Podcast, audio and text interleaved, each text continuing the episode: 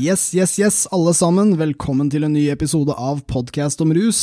Light, denne gangen kun med deres blide, men ensomme vert Buffert Viggo Fusk, som sitter her for første gang, helt aleine, og snakker inn i mikrofonen som en idiot. Vi skal prøve å klare oss, eh, vi, altså jeg, eh, uten min glade makker Per Ståle Honning, som er opptatt med aktiv lobbyvirksomhet på Stortinget, der han plager folk hele tiden døgnet rundt, viktig, for å få rusreformen vedtatt. Så vi har rett og slett bare for mye å ta for oss, det skjer så mange greier, ass.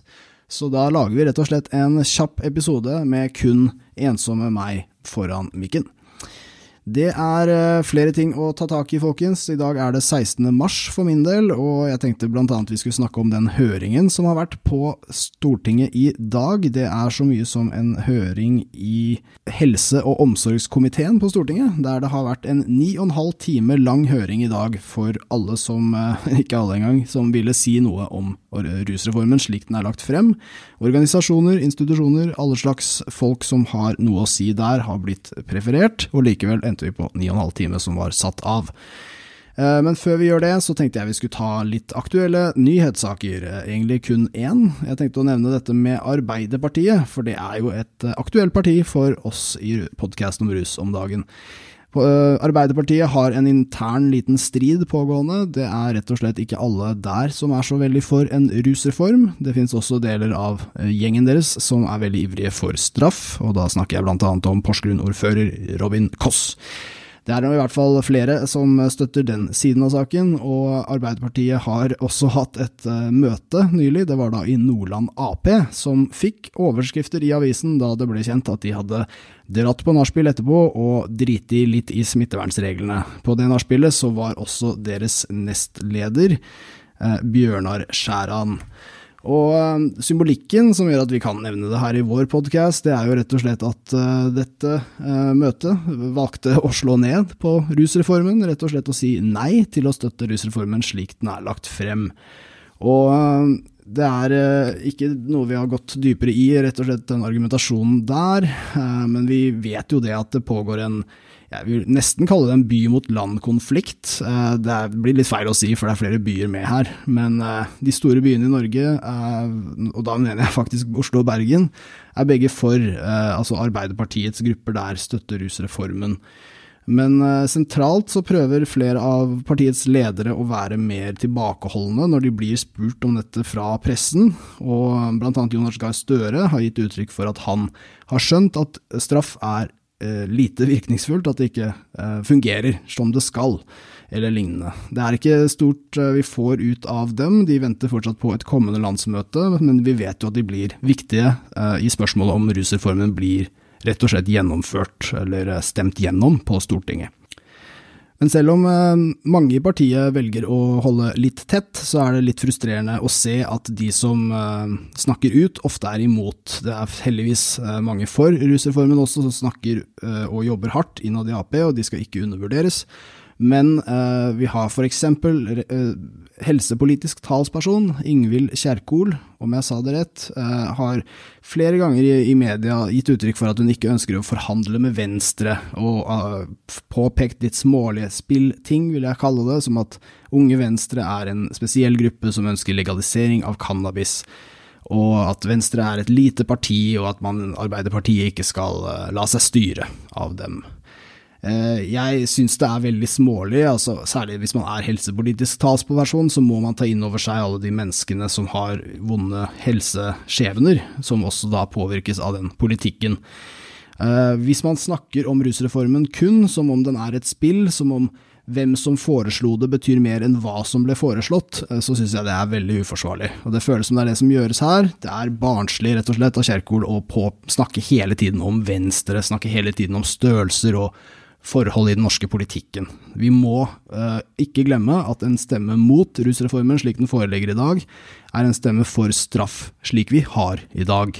Og nyheten som er eh, lagt på bordet, er at bevisene rett og slett ikke er der for at straff hjelper på noe vis. Og siden vi vet at straff skader, så er det opp til de som uh, ønsker å fortsette med dagens politikk, å bevise at det har noe for seg. Per i dag så brukes det utrolig mye penger og midler på å straffe mennesker, Og forbruket av rusmidler i Norge det har vært ganske så jevnt. Det har altså ikke fungert verken for å begrense tilgang eller forbruk, altså etterspørsel. Så eh, Arbeiderpartiet, jeg eh, håper dere gjør det rette. Jeg vet at dette har vært en lang eh, kamp, for å si det mildt, og det er synd at dere ikke var først. og Dere ville sikkert lede an i denne saken, men nå har dere brukt for mye tid, og dere er de siste vi venter på. Så vi håper på en klar og tydelig dom i møtet som kommer. Eh, hvis ikke så vil kommende dødsfall på rusfeltet kunne ha en litt vond bismak. Vi vet at dette vil ha en god effekt på overdosetallene. Og eh, den Det høres kanskje tendensiøst ut fra min side, men eh, det står om liv her, og ja, jeg velger å nevne det. Vi har også hatt høring, da, vet du, som vi skal snakke om. Høringen i dag Før jeg nevner det, så kan jeg kanskje si at jeg har eh, lyst til å anbefale, eller gi en liten shout-out, til en twitterer som heter Litt ufin kanskje. Det er det eneste navnet han eller hun byr på. Vedkommende er åpenbart en ressurssterk person som legger ut ganske mye forskjellig statistikk om eh, norske narkotikabruk og håndhevelse. Og der kan det være greit å sjekke innom hvis du er en som meg, som nå om dagen spiser opp litt vel mye informasjon om rusreformen. Vi går videre til høringen som har vært i dag, som tross alt har hatt ganske så mye innhold. Vi får ta for oss noen høydepunkter. Jeg vil først understreke at enkelte av oss har dessverre vanlige jobber, eh, slik at vi da ikke kunne få hørt på denne her, som foregikk på dagtid i dag, med jobber, mener jeg i dette tilfellet, ikke på rusfeltet. Eh, da hadde vi trolig kanskje fått, fått det med oss. Men uh, vi har heldigvis mange andre gode kanaler og folk som deler informasjon der, så gjennom kilder på Twitter og også gjennom samtaler personlig i dag har jeg fått et visst inntrykk av hva som har blitt sagt. Og uh, også medieomtaler tar vi med der. Så vi kan jo begynne med det som ikke kanskje er så veldig overraskende. Eh, norsk politi er veldig imot reformen. Det samme gjelder jo Senterpartiet, eh, Kristelig Folkeparti og et par andre aktører vi alltids kan regne med der. Eh, alt som har med avholdsforeninger å gjøre, er stort sett imot. Med stort sett mener jeg alle sammen. Det er um, Politidirektoratet som kan trekkes frem. De har hatt en høringsuttalelse som stort sett handler om at uh, alt er veldig skummelt og farlig med narkotika, og at hjelp og straff er to sider av samme sak. Uh, argumentasjonen sier kanskje ikke det direkte, men det meste handler om det, og uh, det undergraver jo rett og slett den innsatsen som er gjort fra Rusreformutvalget, som gjennomgikk all tilgjengelig forskning på feltet, og fant at straff ikke har noen positiv effekt. Eh, de negative derimot vet vi mye om, og de undervurderes jo i høy grad av politiet, også i dagens høringssvar.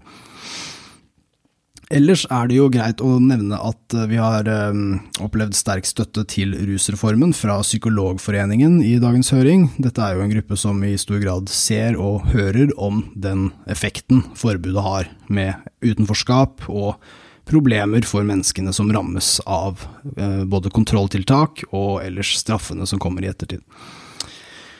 Um, så det er jo steile fronter, vil jeg si. Det er rett og slett mange for og mange imot, og meningene er uh, variert, og følelsene er sterke på begge sider. Det er det ingen tvil om.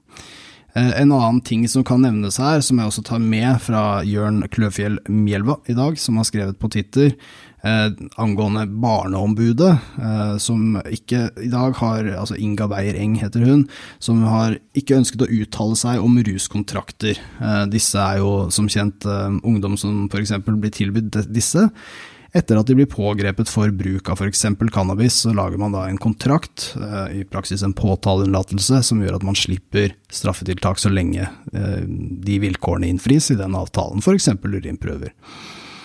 Eh, så Barneombudet har altså ikke villet uttale seg om det i dag. Og ruskontrakter er jo fremhevet ofte fra de som er mot rusreformen som et veldig positivt tiltak som ofte hjelper ungdom. Enkelte sykepleiere i Norge har bl.a. trukket fram dette som, som, det de mener er da effektivt. Eh, på den andre siden har det blitt nevnt flere ganger at effekten ikke kan måles. Det har også vært eh, tema for masteroppgaven til eh, leder av Norsk Narkotikapolitiforening, Jan Erik Bresil, som også skrev det at det kan egentlig ikke bevises at disse kontraktene har den effekten de påstås å ha. Eh, og Jørn Mjelva skriver på Twitter i dag at man skulle tro det var innenfor Barneombudets mandat å vurdere hensiktsmessigheten av såpass inngripende tvangstiltak, der man i stor grad fraviker barns pasientrettigheter. Og eh, det er påfallende dette med at eh, Inga Beyer Eng ikke tar mer standpunkt til dette. Det er veldig mange ungdommer som ønsker rusreform, det er veldig mange barn som potensielt rammes av tiltakene som er kritisert. Og, og det å, å, ikke ta stilling eh, fremstår ikke som barnets beste fremheves eller, eller vektlegges. Eh, vi kan også nevne i dag at det er eh, flere unge som har vært med på føringsuttalelsen i dag. Eh, Forandringsfabrikken har stilt opp. Det handler om ungdom som hjelper andre ungdom som har fått utfordringer. Og eh, det er også i dag publisert en kronikk på NRK Ytring, der eh, ledere av og, og talspersoner for åtte ungdomsorganisasjoner i Norge, politiske stort sett, alle sammen, ungdomspartier pluss FTR Ungdom, Tryggere Ungdom, har da alle sammen deltatt i å signere på en kronikk som handler om at straff har vært århundrets største feilinvestering på dette feltet. Og eh, ja, Barneombudet kunne med stort hell tatt mer inn over seg de andre sidene av denne debatten. Inga Beiring er godt alliert med norsk politi, og vi vet jo veldig godt hvordan de stiller seg her. Det er vanskelig å tro at det ikke påvirker. Eh, vi vet veldig lite om eh, disse båndene, men eh, argumentasjonen ligner, og, det, er, kjedelig å se at man ikke bare kan bli enig om dette med straffens virkning. Så får kontrolltiltakene heller tas i andre rekke om så. Um, vi går videre. Det er uh, Den norske legeforeningen skal vi også ta med oss her. Uh, de har nevnt i dagens høring at de støtter hensikten med å slutte å straffe rusavhengige, men de er altså imot både generell avkriminalisering og Senterpartiets differensiering for ulike brukere. Og da sitter vi igjen med spørsmålet hva vil de? Fordi en generell avkriminalisering, det høres så ille ut. Og da skal det bli lovlig for alle, bortsett fra at det ikke blir lovlig, og all den kompliserte delen der da, med at det fortsatt er ulovlig, men ikke straffbart. Eh, det er noe med at det skal være så generelt, det er veldig skummelt. Det syns folk tydeligvis. Men, men, det som er vanskeligere, er argumentasjonen om at det skal bare gjelde for noen. Vi må ha likhet for loven, og det er rett og slett en, en form for trenering. Det å stadig hevde at ja, men det dette forslaget mangler, er denne tingen som egentlig er umulig. Vi, vi, har et forslag på bordet her som det skal tas konkret stilling til, og ehm, det er, eh, det, det, er, det er håpløst av Legeforeningen og andre som alltid setter dette opp mot hverandre. Det er fint at du ikke støtter Senterpartiets absurde forslag om hvordan ruspolitikken burde være, som også i dag har blitt slaktet grundig og flott eh, på høring av jusprofessor Hans Fredrik Martinussen fra UiB. Eh, men likevel velger altså Legeforeningen å si at de er imot generell avkriminalisering. Og det fremstår som et billig politisk poeng. Og igjen så skal ikke denne reformen handle om det. Jeg skjønner at folk er, har bestemt seg om legalisering, bestemt seg om narko, liker ikke det. Ok, men se virkelig at det, det ikke finnes et tredje alternativ her, folkens. Hvis dere ønsker å fortsette å straffe folk, så får dere heller bare si det rett ut. Eh, den norske legeforeningen kunne med, med, stor, med stort hell ha gjort en bedre jobb med tydeligheten i dag. Eh, men det vi må ta tak i, som kanskje er den mest oppsiktsvekkende delen av dagens eh, høring, er egentlig en sak som har påbegynt for flere uker siden nå. Og det er at norsk politi benytter seg av kontrolltiltak på narkotikafeltet som ser ut til å være ulovlige. Og dette ble trukket frem ganske tidlig. Det var flere kronikker som dukket opp i kjølvannet av rusreformens eh, fremleggelse, som eh, var politifolk fra NNPF, Norsk Narkotikapolitiforening, og også da i, uniform, som, uh, som, betjenter og annet, som jobber på feltet. Og de snakket om at de, hvis reformen blir innført, så vil de miste enkelte virkemidler, f.eks. husransakelse og mobiltelefon, eh, som de kan gå gjennom og finne informasjon, avdekke brukernettverk og lignende. Og det har blitt påpekt gang på gang at eh, det kanskje ikke er lov, det politiet gjør der. Det som politiet ofte nevner som eksempel, dette, de, dette vil vi miste om reformen blir gjennomført, kan i seg selv være praksis som er forbudt. Og Det har vært påpekt av flere jurister, bl.a. Dagfinn Hesten Paust i Foreningen tryggere ruspolitikk, som har sagt at det er ikke legalt, det som gjøres. Og det er ganske interessant, siden det tross alt snakker om pågripelse av hasjrøykere her. En gruppe som kanskje ikke alltid vet rettighetene sine, og som også er kjent for å være både paranoide og påståelige når det kommer til politiets rolle. På den andre siden så kan også si at narkotikapolitiet er en gjeng i, innad i norsk politi som ofte får uh, som de vil, uh, som kanskje ikke alltid ettergås like hardt i sømmene når det kommer til små uh, rettighetsbrudd som her. Og Det det dreier seg om, er rett og slett at hvis man mistenker salg, så har man som politi langt flere muligheter til å gå inn i folks hjem, mobiltelefoner og lignende for å undersøke den mistanken. Men i norsk politi ser det ut til at mistanke om bruk i stor grad brukes på samme måte. Eh, at bruk og salg-mistanke overlapper litt når det kommer til hvilke eh, verktøy som brukes. Og dette er kontrolltiltak som kan føles ekstremt inngripende. Både ransakelse av bolig og mobiltelefon det er rett og slett en måte å, å bli fratatt eh, veldig private ting. Og følelsene det medfører er ikke spesielt gode. Um, Mobiltelefonransakelse er per bru, eh, av bruk, det er ulovlig i dag. Og jeg og flere andre som deler meningen om dette, vi mener at politiet mister ingen hjemler av betydning. De kan tredjepartsransake både i dag og etter reformen. Så alt som trengs er denne mistanken, altså. Eh, det som skjedde i dag på høringen, det er at uh, Riksadvokaten han kom, tok til orde etter hvert. Da hadde allerede statsadvokat og NNPF-nestleder Geir Evanger hatt ganske bastante påstander i høringen om disse kontrolltiltakene som politiet både bruker og trenger. Riksadvokaten tilbakebeviste at dette er lovlig praksis. Det var også ganske klar tale i etterkant fra førstestatsadvokat og rusreformutvalgsleder Runar Torgersen, eh, hvor han sa at gjennomgang av unges mobiltelefon på bakgrunn av mistanke om f.eks. bruk er ulovlig. Eh, og jeg vil henvise til en kronikk skrevet i Bergens Tidende for ca. en måned siden, der to politifolk skrev et ganske konkret eksempel av praksis de har, eh, som ut fra dette vil være en ulovlig praksis. Jeg syns det er fascinerende å se politiet innrømme praksis som er illegal. Eh, det er det som fremstår her. Det kan i så fall bety at det har vært maktovergrep foretatt eh, via denne kontrollinja, denne verktøylinja, i lang tid. Og de det gjelder har i så fall vært eh, litt paranoide hasjrøykere, som også da trolig har påstått dette i lang tid, uten å kanskje være verken jurister eller særlig bevisst sine egne rettigheter. Men eh, jeg håper dette blir tatt tak i. Det er rett og slett litt spektakulært. og Uansett om rusreformen blir vedtatt eller ikke, uansett om den blir en dårlig rusreform som blir amputert, eller om den blir bytta bort mot en riksvei i Trøndelag av Arbeiderpartiet, så håper jeg ikke denne saken blir forbigått i stillhet. Det er litt vel eh, alvorlig, det som kommer frem.